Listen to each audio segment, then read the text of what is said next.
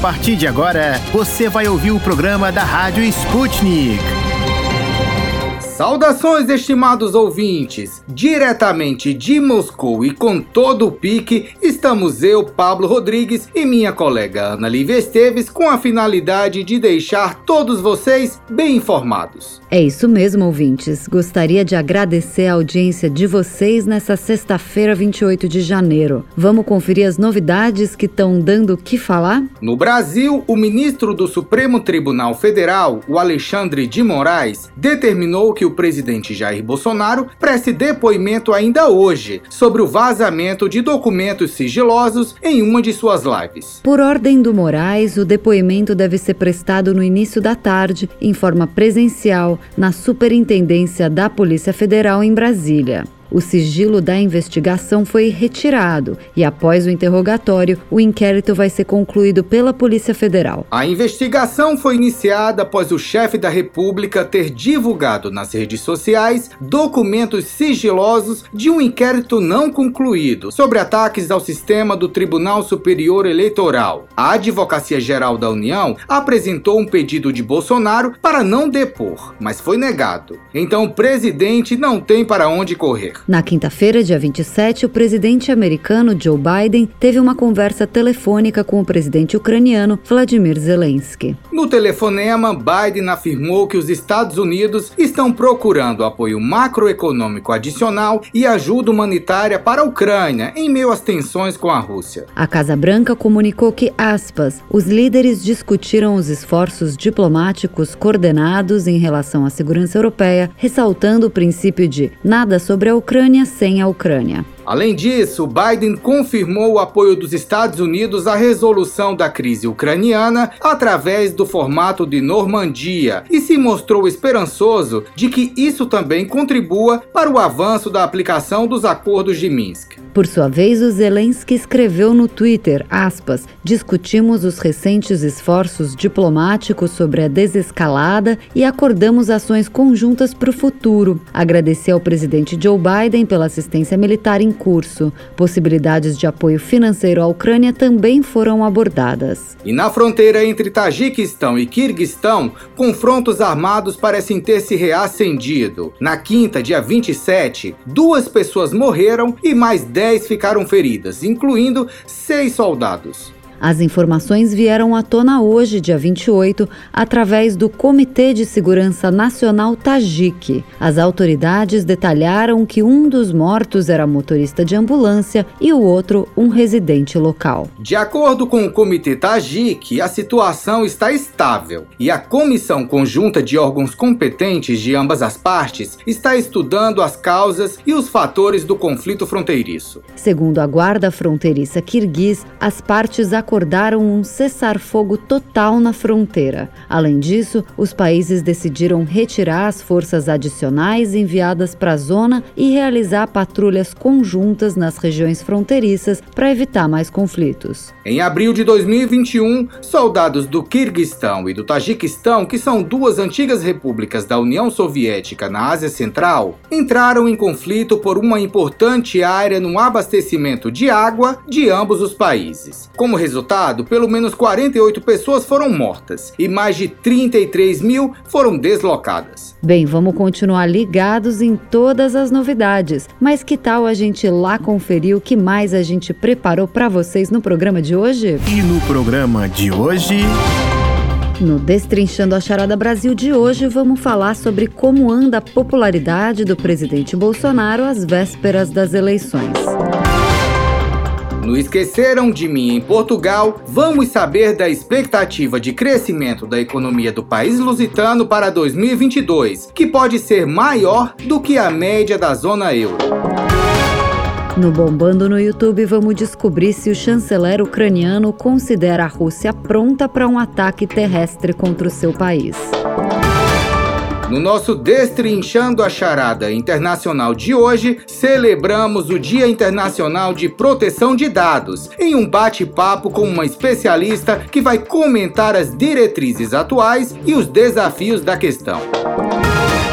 O Mistura do Brasil com Moscou vai anunciar a obra Conte Serenata e bater um papo com o seu criador, o compositor Paulo Costa Lima.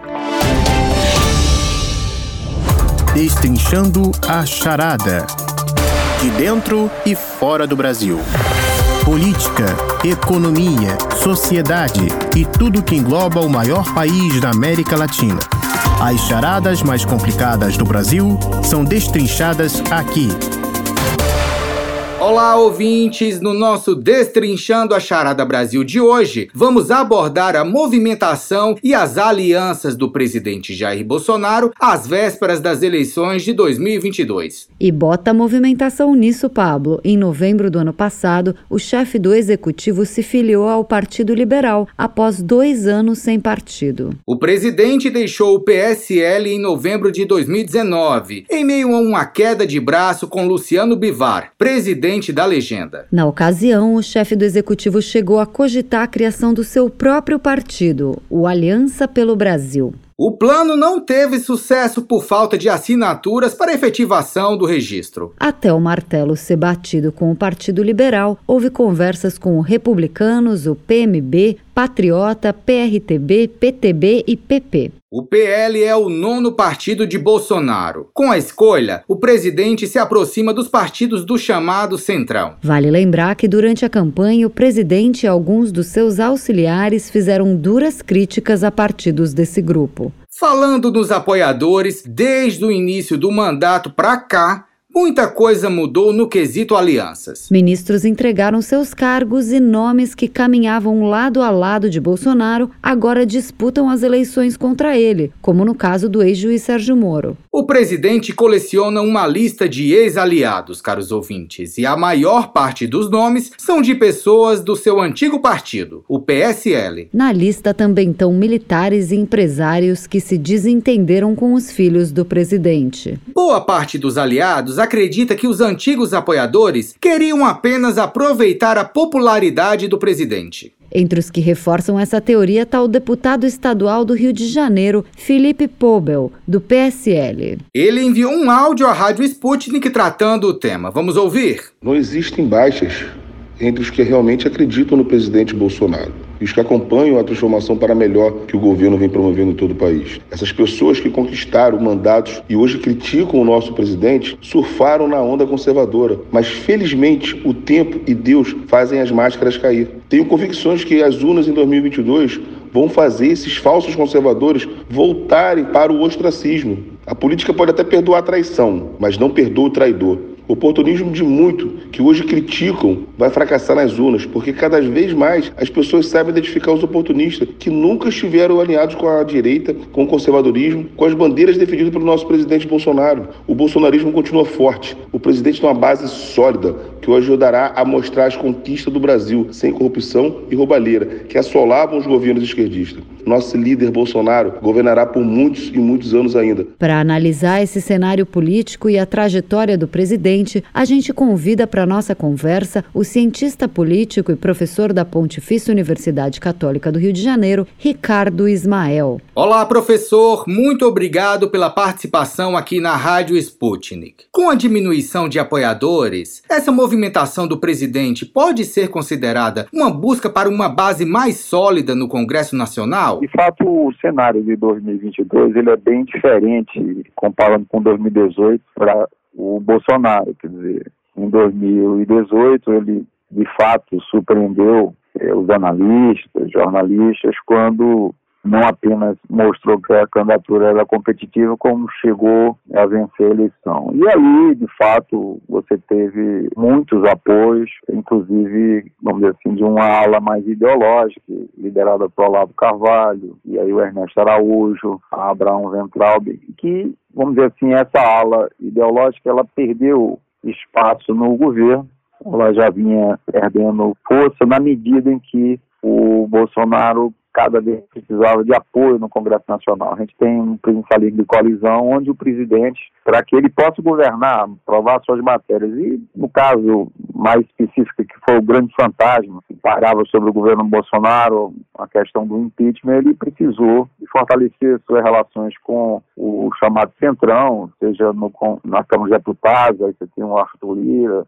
seja no Senado Federal, você tem o Ciro Nogueira, quer dizer, houve, de fato, uma opção pragmática para poder evitar que houvesse abertura de um processo de impeachment. Isso, vamos dizer, terminou fazendo com que o Adão Venturati saísse do governo, né, deixou o Ministério da Educação, o Ernesto Araújo deixou o Ministério das Relações Exteriores, e que, portanto, houve, vamos dizer assim, uma perda de espaço para esse grupo mais ideológico. O general Santa Cruz já é uma perda de apoio no, entre os militares, né? Tinha realmente praticamente ali em 18 um consenso, hoje já não é um consenso assim, ou seja, os militares hoje estão mais divididos em relação a uma eventual reeleição do Bolsonaro. E, bom, aí tem outros aspectos que aí sim, o Dória que apoiou o Bolsonaro ali a disputa ao governo de São Paulo, hoje rompeu claramente com ele a partir da questão da pandemia do Covid. O Sérgio Moro, que também era ministro da Justiça, rompeu com ele em função, segundo o Sérgio Moro, de tentativa de interferir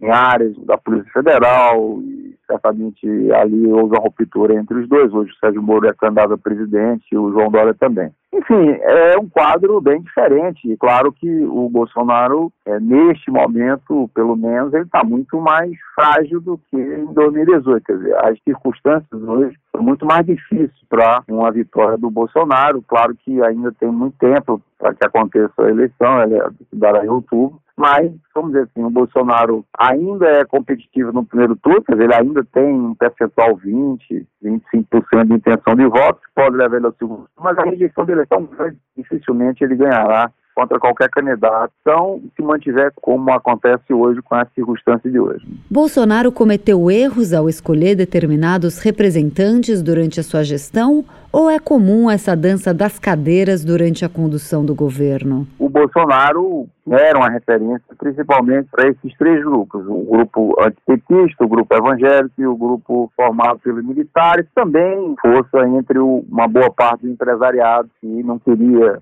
a vitória do candidato do PT, Fernando Haddad. Então, é isso era 18. Ele hoje não é mais consenso entre os militares no que diz respeito à questão do antipetismo, ou pelo menos daqueles que criticavam o governo do PT em função dos escândalos na Petrobras e outros, esses hoje começam a se afastar do Bolsonaro, já começaram há algum tempo, na medida em que o Sérgio Moro saiu do governo. Eu diria também que Bolsonaro vai ser julgado também por conta é, da gestão da pandemia do Covid. Quer dizer, o presidente da República, em função de uma crise sanitária inédita que atingiu o país, atingiu o mundo, mas atingiu o Brasil também de uma maneira muito dramática, passou a ser avaliado pela sua atuação, pela sua conduta. E aí, no mínimo, a gente pode dizer que deixou muito a desejar a conduta do Bolsonaro na gestão da pandemia do Covid, o que também fez com que muita gente passasse a serrar fileiras nesse grupo que hoje rejeita fortemente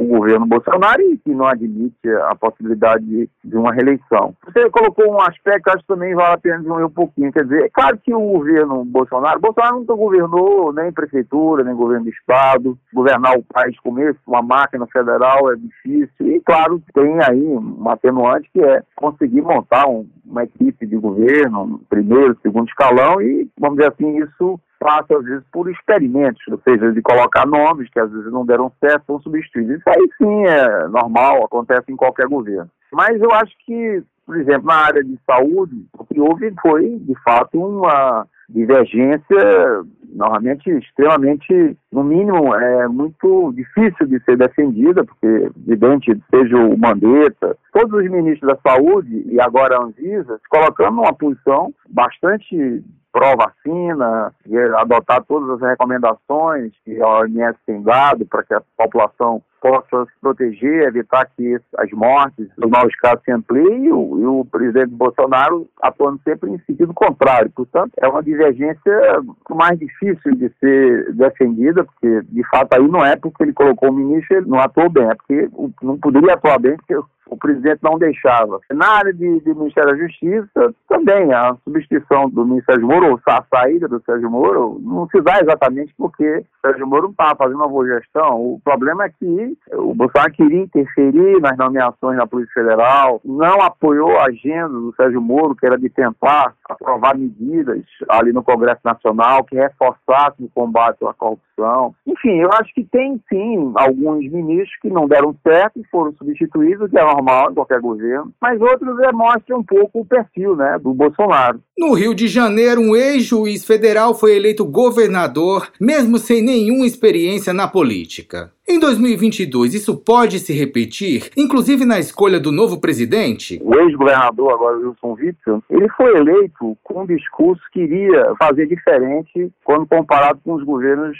anteriores do PMDB, em particular do governo Sérgio Cabral. O que levou ao impeachment do Wilson Witzel, é bom que a gente deixe bem claro, é justamente problemas na área de saúde, nas licitações na área de saúde pública, em plena pandemia, quando a área era fundamental para apoiar a população, problemas muito semelhantes ao que aconteceram durante o Sérgio Cabral. Então ele caiu em desgraça e depois terminou sofrendo o impeachment porque não cumpriu o discurso da campanha de ter uma gestão que normalmente fosse diferente daquele padrão adotado pelos governos do PMDB. É bom que se diga isso. Aproveito, portanto, esse comentário meu para dizer o seguinte: a população não abandonou a questão do combate à corrupção. Não vamos nos enganar. São duas coisas diferentes. A população certamente, e aí sim eu concordo com você, não vai votar numa pessoa apenas porque ela não fazia parte da política partidária, da política. Quer dizer, alguém que está vindo de fora da política, que se coloca como uma cara nova, um discurso novo, aí isso pode se dar, pode acontecer uma grande frustração, porque é evidente que para ser candidato, para fazer um bom governo, seja no município, no estado, a nível do governo federal, não adianta somente ser uma pessoa de fora da política e entrou na política somente para disputar a eleição. Isso não é um requisito, vamos dizer assim, suficiente. É preciso perceber se essa pessoa que está vindo agora, está começando na política, ela traz valores novos, valores republicanos, democráticos, se a gestão dela vai ser diferente, vai ter mais transparência, as licitações vão ser feitas de maneira correta, enfim, é preciso verificar se houve uma mudança no padrão e não a cara da pessoa ou um novo marketing. Não, isso na verdade não é garantia de nada. Agora, eu acho que há sim no Brasil ainda, de 2022, um sentimento de rejeição à corrupção na administração pública, porque uma quantidade imensa de recursos são perdidos, são desviados,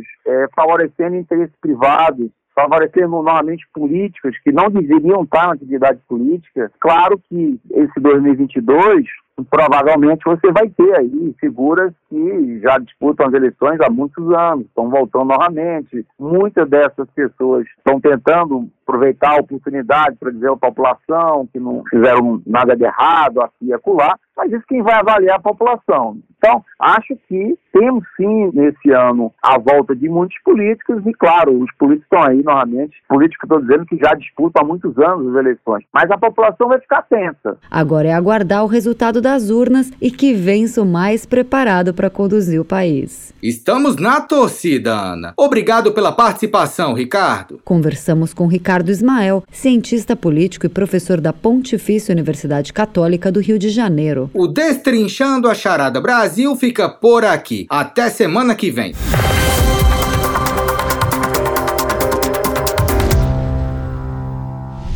Esqueceram de mim em Portugal.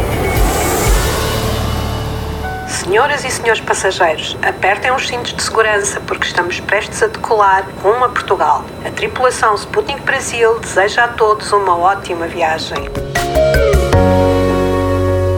A gente vai cestar hoje em clima de crescimento econômico em Portugal. Quem traz a notícia boa é a nossa correspondente Luísa Ramos. Olá, Luísa. Olá, Ana e Pablo. Olá, ouvintes da Sputnik. Pois é, boa expectativa de crescimento para Portugal em 2022. O país pode ter uma elevação do produto interno bruto de 5,1% este ano, segundo estimativas da Euler Hermes, seguradora francesa acionista da Companhia de Seguros de Crédito. O valor equivale a um ponto percentual acima da média da expectativa de crescimento de toda a zona do euro, que, segundo a mesma projeção, pode, portanto, crescer 4,1% em 2022. Numa perspectiva global, os dados divulgados surpreendem também de forma positiva. Isso porque o PIB dos Estados Unidos tem estimativa para crescer este ano em 3,9% e a China pode registrar um crescimento de 5 a 8%, segundo pesquisas anteriores publicadas na mídia. O desempenho estimado para Portugal acima da zona do euro é justificado pelos especialistas porque nos últimos tempos, aspas, a economia portuguesa tem crescido mais do que outras economias da zona do euro, mas apenas devido à forte contração que sofreu em 2020, de acordo com fala de Ana Boata, head global de macroeconomia e pesquisa do setor da seguradora. A economia portuguesa demonstra, portanto, uma tendência de recuperação e a expectativa é que esta se mantenha à medida que são levantadas de forma gradual as restrições associadas à pandemia da Covid-19. A especialista ainda destacou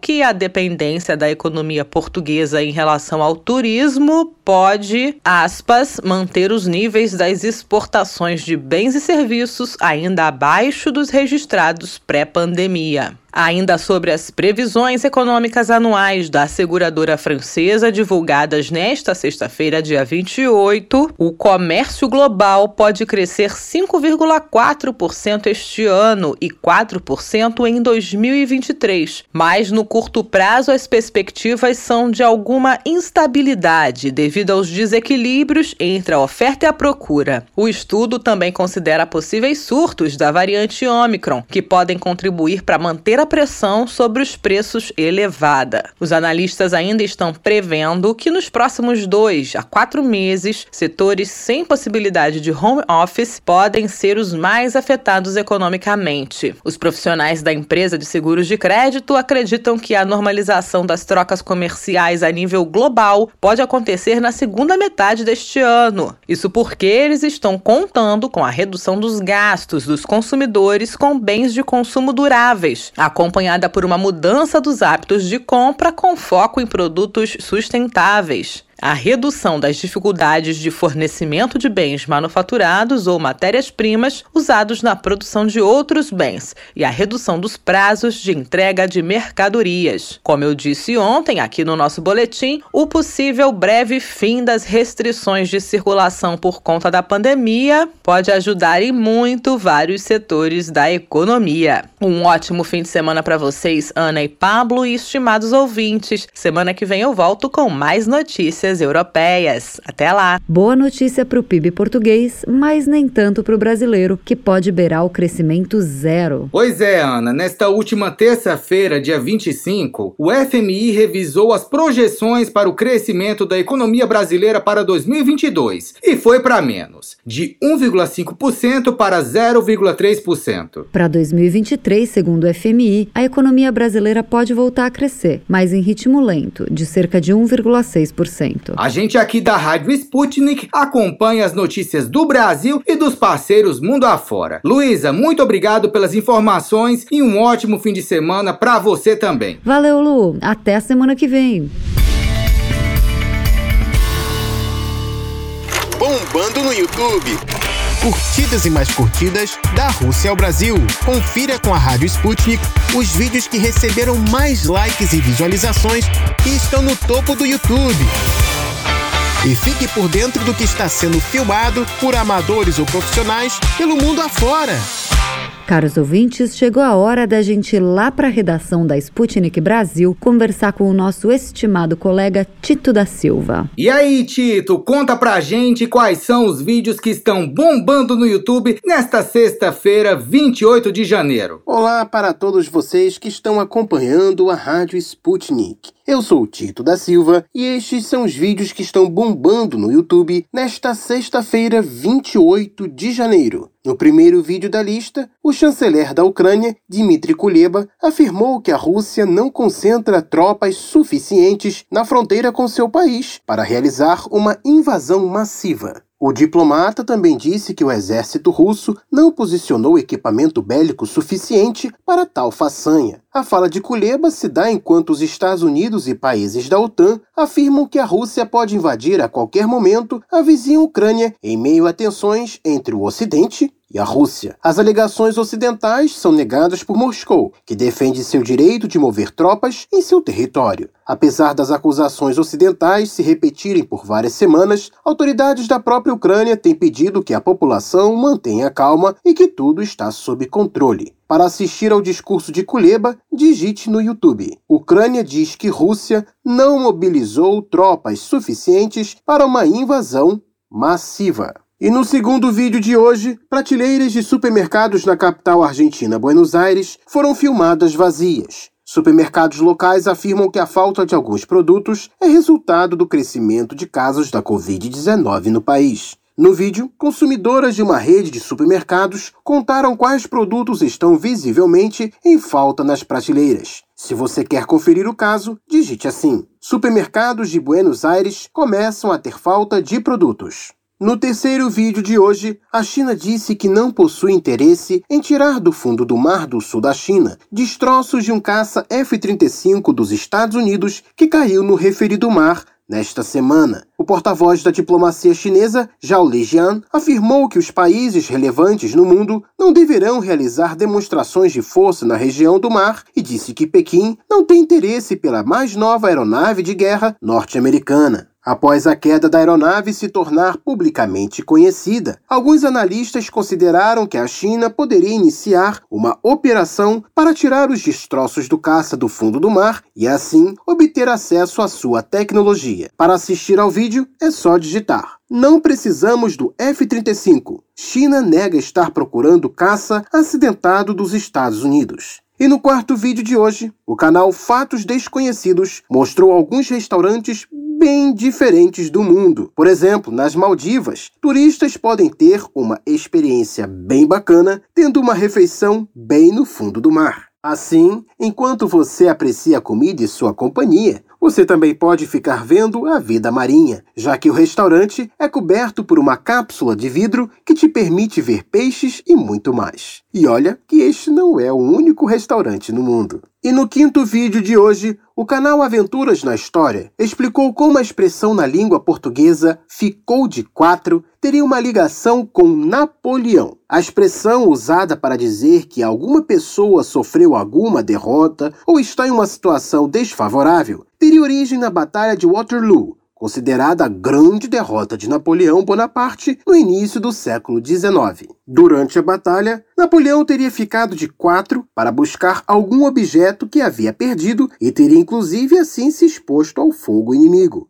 Outra versão diz que Napoleão teria tido problemas de hemorroida, impedindo-o de cavalgar em suas campanhas militares e o obrigando a ficar de quatro no chão, provavelmente para aliviar as dores. Mais detalhes da provável ligação da expressão ficou de quatro com Napoleão você pode encontrar no canal Aventuras na História. E por hoje é tudo, pessoal. Bom final de semana para todos vocês. Interessante o vídeo que o Tito trouxe hoje, né? Com o chanceler ucraniano dizendo que as tropas russas nas fronteiras não seriam suficientes para um ataque, porque a gente ficou semanas ouvindo justamente o contrário. O comentário do ucraniano veio depois da OTAN e dos Estados Unidos terem entregue à Rússia suas respostas às propostas de garantias de segurança colocadas por Moscou. Em conversa telefônica com o presidente francês Emmanuel Macron, o presidente russo Vladimir Putin disse que a resposta desconsidera as principais preocupações de Moscou. De acordo com o Kremlin, aspas, as respostas dos Estados Unidos e da OTAN ainda não consideram as principais preocupações da Rússia, como impedir a expansão da OTAN para o leste, abandonar a implantação de sistemas de ataque perto das fronteiras russas, bem como retroceder a capacidade militar e a infraestrutura do bloco na Europa para a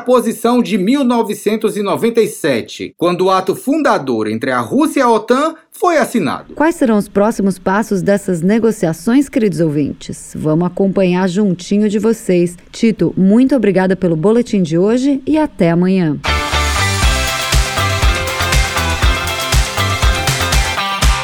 Destrinchando a charada. Encruzilhada Internacional. Relações políticas, socioeconômicas e muito mais entre as nações deste mundão. Da Rússia aos Estados Unidos. Encontre com a gente as respostas às perguntas do momento. Estimados ouvintes, hoje, 28 de janeiro, é o Dia Internacional da Proteção de Dados. Por isso, vamos debater o que vem sendo feito no mundo para garantir a segurança e a privacidade das pessoas. A privacidade digital está na pauta há anos, mas para a maioria das pessoas parece um assunto difícil e bastante distante. No entanto, esse tema nos atinge diretamente e cada vez mais. Internacionalmente, o Brasil é reconhecido pelo Banco Mundial como o sétimo país na liderança em governo digital. Em contrapartida, se viu envolvido em escândalos de vazamento e apagamento de dados, como o apagão de dados, que retirou do ar várias funções e serviços do Ministério da Saúde, incluindo o Conect SUS entre dezembro e janeiro. Até 2012, não havia nenhuma proteção jurídica contra invasão de dados pessoais na internet no Brasil. Só depois do caso da divulgação de fotos íntimas da atriz Carolina Dickman é que houve o desenvolvimento de uma legislação própria tipificando os chamados delitos ou crimes informáticos. Em seguida, o Marco Civil da Internet de 2014 estabeleceu princípios, garantias, direitos e deveres de internautas e diretrizes para a atuação do Estado. Mais recentemente, a Lei Geral de Proteção de Dados Pessoais passou a regular as atividades de tratamento de dados pessoais, alterando artigos do Marco Civil. Para a gente entender melhor sobre a importância da privacidade de dados no mundo e como ela já virou direito constitucional no Brasil, a gente convidou a advogada Jane Calner. Ela é especialista em proteção de dados, privacidade e direito digital pela USP e certificada pela ABNT em Sistema de Gestão de Privacidade da Informação. Jane, é um prazer te receber aqui na Rádio Sputnik e agradecemos muito a sua disponibilidade. Jane, ouvimos muito sobre ferramentas de privacidade digital, golpes digitais, invasão de sistemas e vazamento de dados. Por que estas temáticas ganharam tanto destaque nos últimos anos? De fato, é um tema que está em alta em todos os momentos, porque envolve, na verdade, não uma nação, mas o planeta. É uma mudança cultural, né? Eu digo muito que a proteção de dados, no caso do Brasil, com a Lei Geral de Proteção de Dados, e no caso da Europa, vamos dizer, com a GDPR, né, com o Regulamento Geral Europeu, e demais é, regulações mundiais, né? Cada, muitos países já têm a sua própria regulação. É o que eu acho que é muito importante a gente ressaltar é que tudo isso, né? A gente sempre fala, a lei ela chega depois dos costumes, né? Então, por que chegaram, né? Essas é, a necessidade de a gente firmar uma legislação com relação ao uso do dado de uma forma correta, de uma forma adequada, por conta até da tecnologia, né? Então, assim, a tecnologia ela chegou de tal forma, teve um crescimento exponencial nos últimos anos, mas assim, um, acelerou demais e não tem volta. Então, assim, é uma mudança de paradigma. Então, nós vamos mudar a forma como nós vemos, nós tratamos e nós cuidamos dos dados. E aí a gente fala, nós quem? Nós todos, poder público, poder privado, as empresas e os cidadãos, né? Então, a gente fala assim, ah, vamos treinar os colaboradores das empresas para que eles tenham essa consciência, porque a nossa lei brasileira exige. E aos poucos isso tudo vai tomando o vulto necessário para a mudança de postura com relação ao uso de dados. Jane, o que é exatamente proteção de dados para o cidadão comum e por que só recentemente foi criada essa regulação? Chegou a necessidade de uma regulação, por quê? Porque, não digo, as empresas públicas e privadas começaram a usar de forma indiscriminada os dados, os cidadãos com acesso à tecnologia passou também a consentir muito muitas vezes, na grande maioria dos casos, sem saber, como você falou, o que é a produção de dados. Então, ah, para eu ter um acesso a um aplicativo, eu tenho que aceitar os termos de uso. Mas os termos de uso são tão extensos que eu vou lá e aceito, eu nem li. Ou muitas vezes, um ou outro que teve oportunidade de ler também não entendeu, ou então, mesmo que não concordou, preciso do acesso àquele aplicativo, então tudo bem, entra no cotidiano da vida da gente, o que é um cruzamento gigantesco de informações, sem precedente e sem que haja um consentimento. Nós já tínhamos muitas regulações, né, muitas legislações que regulavam a proteção de dados pessoais. Então, assim, não é que o Brasil não tinha nenhuma lei antes da Lei Geral de Proteção de Dados. Nós tínhamos a própria Constituição, que é segura o direito à privacidade. Nós já tínhamos leis esparsas, leis que asseguram esse direito ao consumidor, o Código do Consumidor, o Marco Civil da Internet, quando teve esse momento de aceleração digital. Mas o que a lei trouxe? Ela trouxe, na verdade, uma unificação de conceitos. Nossa lei, a Lei Geral de Proteção de Dados brasileira, né, ela é uma lei muito conceitual. Então, ela, ela define o que é o dado pessoal, o que é o dado sensível. Ela trouxe muita inovação, à medida em que ela trouxe, inclusive, novas atribuições. O que a Lei Geral de Proteção de Dados Pessoais prevê? E quais as dificuldades de ser implementada? A LGPD, assim conhecida e dita, ela se inspirou no Regulamento Geral Europeu, a GDPR. Ela já é uma lei ainda mais robusta, mas ela nasce de uma cultura de proteção de dados de longos e longos anos atrás. Aí a Europa eh, estabeleceu as diretivas europeias em 94, que não eram leis, mas eram diretrizes que os países do bloco deveriam seguir com relação à proteção de dados. Então houve um amadurecimento na questão cultural com relação à privacidade. No entanto, essa lei ela causa reflexo em todos os demais países que mantêm relações com os países europeus. Países que não tivessem legislações com o mesmo nível de proteção não poderiam fazer negócios comerciais. Então, isso acelerou a questão do próprio Brasil, quer dizer, então quando entrou em vigor a GDPR, houve uma aceleração aqui total no Brasil e a GDPR entrou em maio, 28 de maio, e o Brasil sancionou em 14 de agosto de 2018 a Lei 13.709, que é a Lei Geral de Proteção de Dados. Então, qual é a dificuldade, como você disse? A questão é cultural, ninguém sabia muito ao certo quais são os meus direitos, nem tampouco quem é quem. Nós interpretamos a LGPD como uma lei que traz quatro pilares então, um pilar é o jurídico, existe a parte de processos, a parte de tecnologia, a mesma coisa. Ferramentas que façam a gestão de, da entrada e do fluxo dos dados. Mas tem a outro pilar, que é o pilar das pessoas. Aí entra no que eu falei, da questão da cultura, da conscientização. Então, é a dificuldade de implementar, por quê? Porque não adianta só eu pegar uma ferramenta e adequar essa, essa parte do fluxo dos dados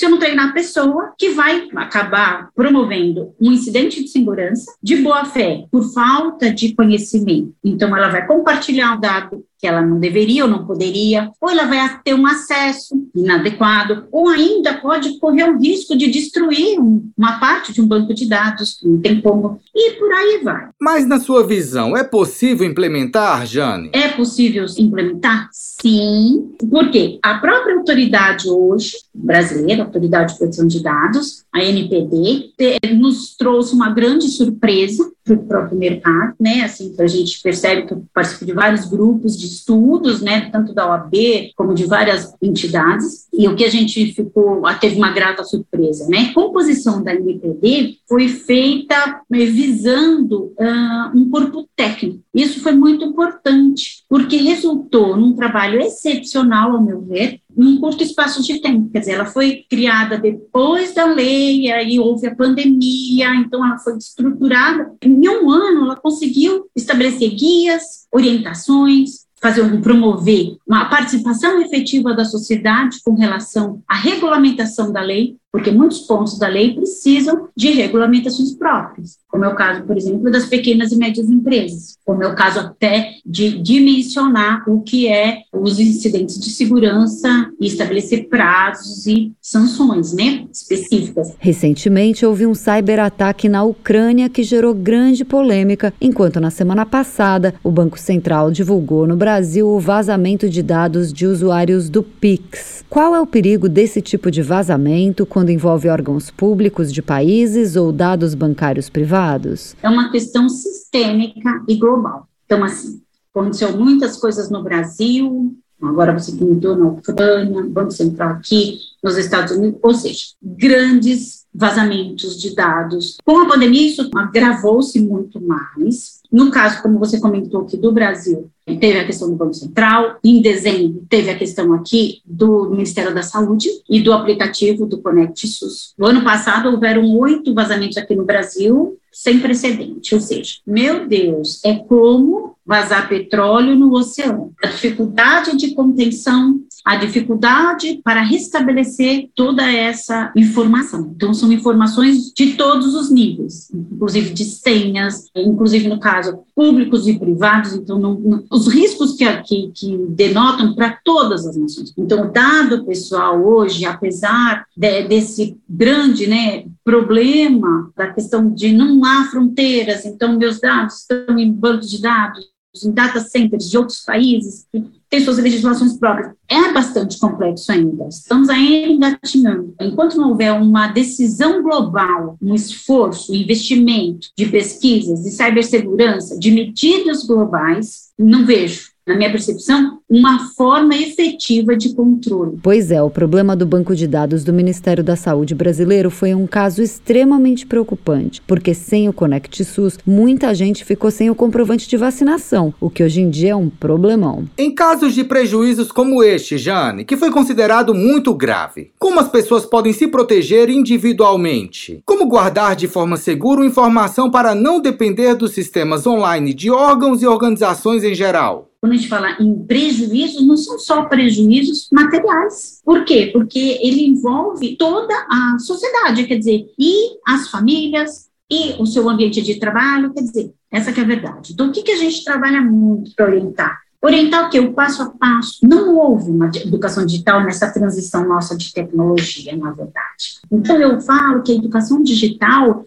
ela precede tudo isso e ela atinge todos os níveis da sociedade. Com relação à documentação, é, toda a minha documentação eu tenho ela baixada em casa, numa pasta de documentos. Ah, mas eu só tenho no computador? Não. Isso é uma orientação. Então, você baixa, você pode guardar na nuvem, de fato, mas tudo com senha. E claro, se eu puder imprimir, quiser guardar impresso, ok. Então, eu acho que a importância para você manter esses documentos salvo contigo é nesse sentido. Ou baixar, ou salvar em nuvem, não deixar só para consulta, né? Quer dizer, nós temos não só a questão da carteira de vacinação, como carteira de trabalho, carteira de habilitação e demais documentos importantes, todos nesse sistema. Tá aí uma dica da nossa especialista de como ter segurança dos seus próprios dados, mesmo diante de apagões como este. Dado pessoal é uma questão que deve, portanto, gerar mais atenção e preocupação nas pessoas, não é, Jane? É, a gente discute muito o seguinte: a lei ela chega, mas a responsabilidade não é do poder público e do poder privado, só das empresas, de todos nós. Por quê?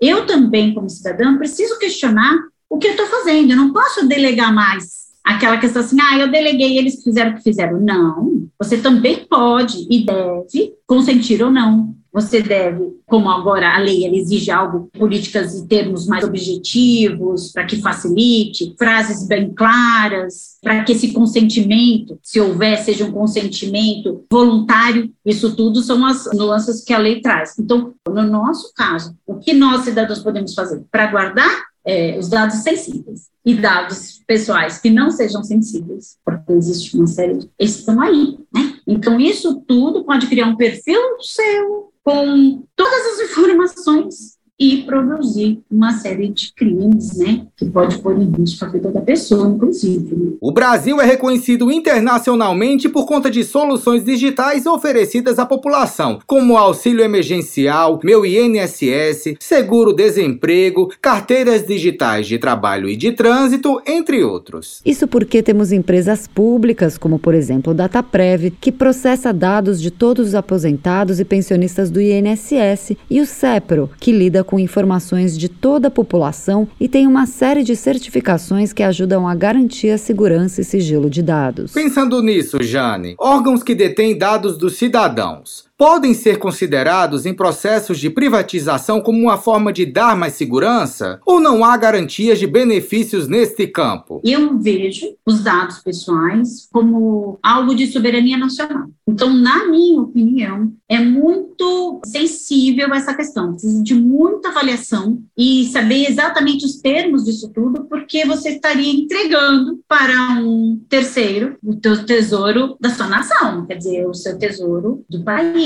Eu não sou nesse ponto, não sou contra, vamos dizer assim, nem a favor no momento, mas hoje nós temos um país bastante digitalizado, inclusive até um até o Banco Mundial coloca o Brasil no ranking aí dos top 10. Então, assim, é um país que está bem avançado nesse sentido, mas hoje nós temos o DataPrev e nós temos o CEP. Então, são empresas que cuidam muito da segurança e cuidam dos interesses, vamos dizer, dos dados dos brasileiros. No entanto, é, para se pensar numa privatização, são muitas questões que serão envolvidas, como essa questão toda. Ah, e os bancos de dados, eles vão estar aqui ou vão estar em outro país? Tem muitas nuances bastante delicadas justamente pela questão do controle, quer dizer, você pode pôr em risco o controle a soberania, porque em última instância eu sempre falo isso, né, eu acho que todo esse movimento com relação à proteção de dados é uma questão de soberania nacional, é uma questão assim, hoje nós não temos fronteiras, hoje nós não temos nada, mas nós continuamos tendo as nossas obrigações, os nossos direitos enquanto cidadãos de cada país. É,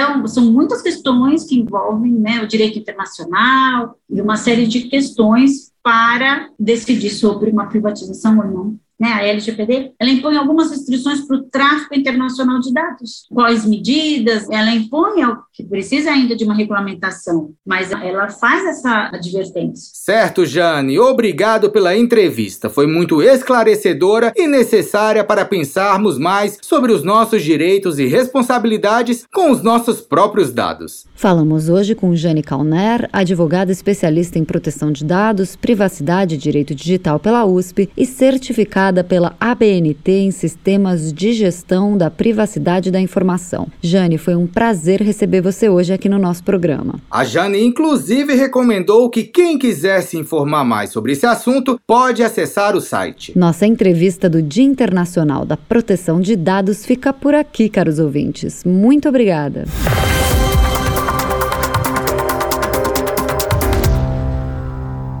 Mistura do Brasil com Moscou. A mistura agora é com a Rússia e a coreografia já está pronta. Com os gingados russos e brasileiros, as relações estão em sintonia entre estes dois gigantes.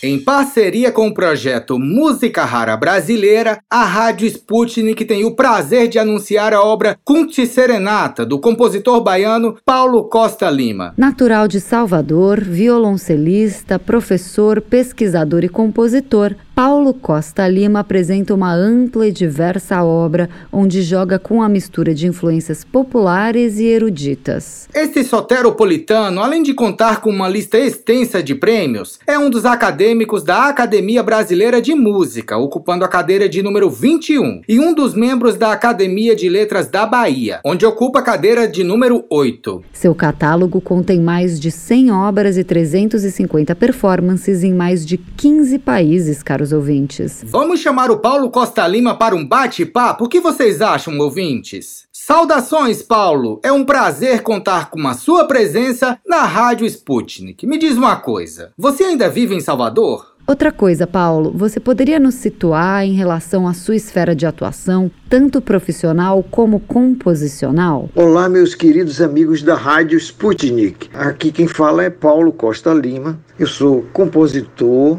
e professor de composição e teoria da música ligado à Universidade Federal da Bahia e ao movimento de composição daqui da Bahia que iniciou lá com a fundação da escola pelo compositor alemão Hans Joachim Kohlreuter em 1954. É mais ou menos desse contexto que eu venho, que eu falo. Eu moro em Salvador atualmente e exerço minhas atividades por aqui. Paulo, a Cunte Serenata foi composta por você em 1984. Como foi reouvi-la quase 40 anos depois? A Conte Serenata reouvi-la praticamente 40 anos depois, né, reencontrá-la, é uma experiência bastante diferenciada, porque eu consigo me ver trabalhando os seus detalhes, as escolhas 40 anos atrás, mas quais são os critérios de 40 anos atrás vão mudando, né? Porque a cada composição o compositor vai experimentando e burilando os seus critérios. Está muito claro que é uma peça que elege um fragmento do canto gregoriano, desse cântico do Cuncti Potens Genitor, né?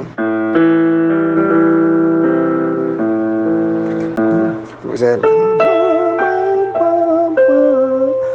Então, essa é a ideia temática que vai dar origem à peça toda através de processos de serialização. Portanto, em 1983, eu estou aí experimentando com um retorno ao passado, esse amor à música do passado, que eu acho que é algo que nos congrega no campo da música de concerto, esse amor à tradição e ao mesmo tempo o amor à inovação. Então, como é que inovação e tradição podem caminhar no mesmo gesto de criação, numa mesma obra. Acho que essa, vamos dizer, é a intenção, é a vibração a que responde a Cuncti Serenata. Essa obra é dividida em quatro peças, correto? Você poderia contar um pouco sobre cada uma delas? Pois é, eu chamei de Serenata, né, e fiz quatro, como se fossem quatro peças independentes, mas quando você olha direito, há uma, um jeitão de sonata, porque o primeiro movimento poderia ser um primeiro movimento de sonata. O segundo é uma espécie de scherzo e aí já tem a métrica de 9 por 8, o que sinaliza uma certa baianização via música afro-baiana, mas nada explícito nem consciente nessa direção. Mas acontece aí uma animação rítmica que aponta nessa direção, que vai ser uma direção que eu vou seguir muito nos anos posteriores a essa obra. Portanto, a segunda peça, um esqueço. A terceira é um, um adágio, é um lento, é um cantabile, vamos dizer assim. E a quarta é um finale. Então você tem uma trajetória de quatro movimentos de sonata no final das contas. Eu hoje a ouço dessa forma. Entendido, Paulo. Aproveitando que você está perto do piano, poderia tocar para os nossos ouvintes as quintas que soam por toda a obra? Se você for brincar com as notas do segundo movimento, que eu estou chamando de esquerdo, que começa rapidinho. Mas eu vou tocar mais lento agora.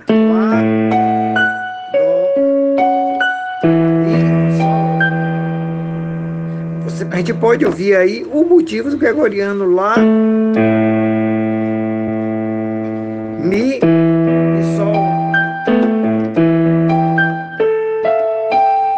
Portanto, eu estou trabalhando com motivos que permanecem, né, dando coerência à estrutura. Essas quintas vão estar soando em muitos lugares diferentes da peça, né? Essa fixação aí nessa a importância dessa quinta aberta, né?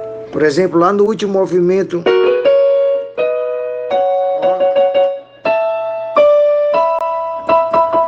novamente o tema, a ideia geradora presente. A Conte Serenata foi a sua primeira peça para piano? Você poderia contextualizar, por favor, em qual fase artística da sua vida ela foi composta? Na verdade, a Conte Serenata não é a minha primeira obra para piano. Eu escrevi uma anterior chamada Oscila, mas foi no período de formação, no período de estudante de composição. Ela não chegou, ela foi tocada, mas não foi um, um investimento do porte que passou a ser a Conquista Serenata, que foi estreada pela pianista Beatriz Bause, saudosa pianista, e que fazia um trabalho maravilhoso de parceria com compositores. Né? Então, ela gravou essa obra, essa obra foi lançada em disco, ela tocou essa obra em mais de um país, e eu fiz essa obra para o Festival de Santos, a convite do compositor e queridíssimo amigo Gilberto Mendes. E lá fui, em 1984, para Santos para assistir a estreia com Beatriz Bause. Então, tem um significado muito importante porque depois que eu retornei ao Brasil, eu estudei e me graduei em composição nos Estados Unidos, na Universidade de Illinois,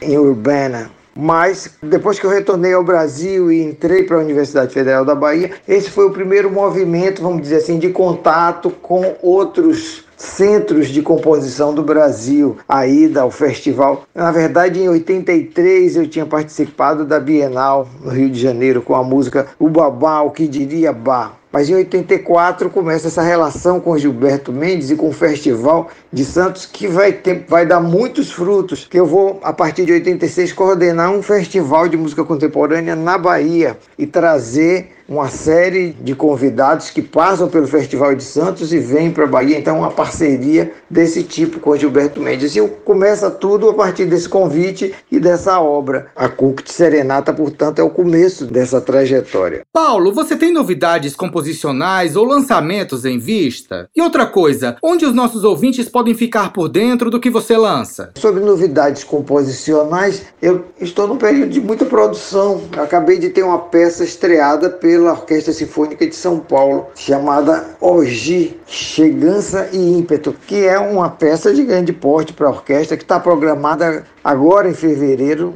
para a Orquestra Sinfônica de, de Utah, nos Estados Unidos. Então o maestro gostou tanto da obra que vai regê-la também nos Estados Unidos. A peça foi, foi tocada na Sala São Paulo, foi estreada na Sala São Paulo. A OSESP viajou para o Rio de Janeiro, para a Cidade da Música, onde fez uma apresentação com ela. Também foram quatro performances nessa estreia de dezembro. Ao mesmo tempo, eu tive uma obra estreada pela Orquestra Sinfônica da UFBA, que é a minha casa, em dezembro, um diálogo com o Candomblé da Bahia, em parceria com Yuri Passos. E tive um vídeo gravado pela Orquestra Sinfônica da Bahia, a orquestra de referência no estado da Bahia. Um vídeo com a minha peça Alá. Portanto, três orquestras é, a UFBA, a Orquestra Sinfônica da Bahia e a OSESP fazendo obras minhas ao mesmo tempo. Isso é um momento de, vamos dizer assim, de clímax, de reconhecimento da produção né, e de muito trabalho. Por outro lado, com a pandemia, com o isolamento, eu acabei descobrindo as redes Agora criei uma conta internacional no Instagram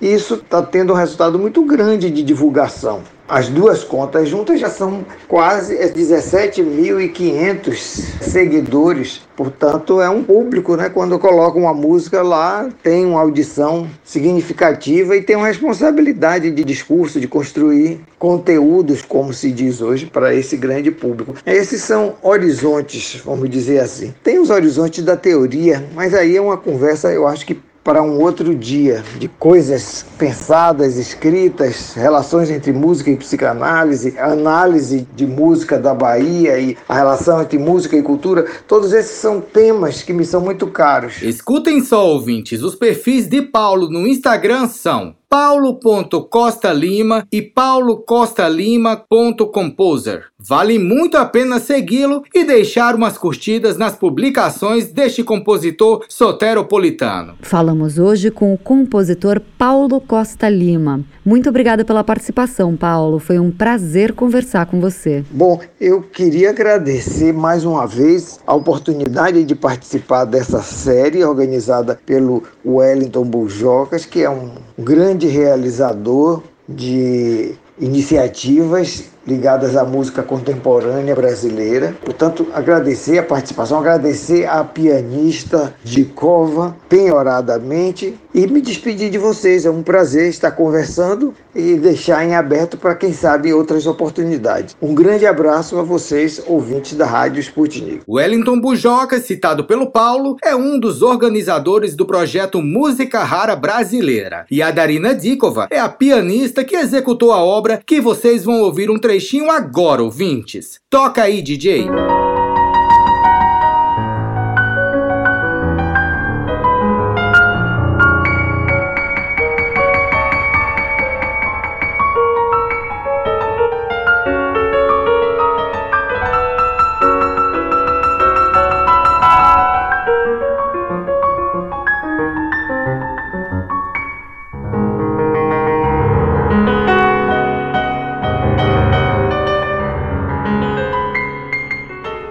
Quiser ouvir a composição Conte Serenata do compositor Paulo Costa Lima na íntegra, é só entrar no canal do Zenon Instituto Cultural. A composição vai estar disponível a partir das 15 horas desta sexta-feira, dia 28 de janeiro. Então não percam tempo e passem lá para conferir a obra do compositor soteropolitano Paulo Costa Lima. Desejamos um ótimo concerto recheado de muita música rara brasileira para todos vocês, caros ouvintes.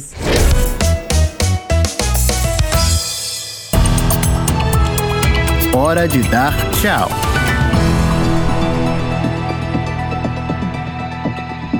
Queridos ouvintes, o nosso programa da Rádio Sputnik dessa sexta-feira, 28 de janeiro, fica por aqui. A gente agradece a cada um de vocês pela audiência e na segunda-feira a gente volta com muito mais. Enquanto isso, fique ligado nos canais da Sputnik Brasil no YouTube e no SoundCloud e no nosso site br.sputniknews.com. E não se esqueça de conferir lá no canal do Zenon Instituto Cultural a composição de Paulo Costa Lima a partir das 15 horas dessa sexta-feira, 28 de janeiro. E bom fim de semana a todos! O programa da Rádio Sputnik teve a apresentação, produção e edição de texto de Ana Lívia Esteves e de mim, Pablo Rodrigues. E produção de conteúdos e edição de texto de Francine Augusto, Luísa Ramos e Tito da Silva. A edição e a montagem do programa são do Wellington Vieira e do Davi Costa. O editor-chefe da redação da Sputnik Brasil no Rio de Janeiro é Renan Lúcio e em Moscou, Konstantin Kuznetsov.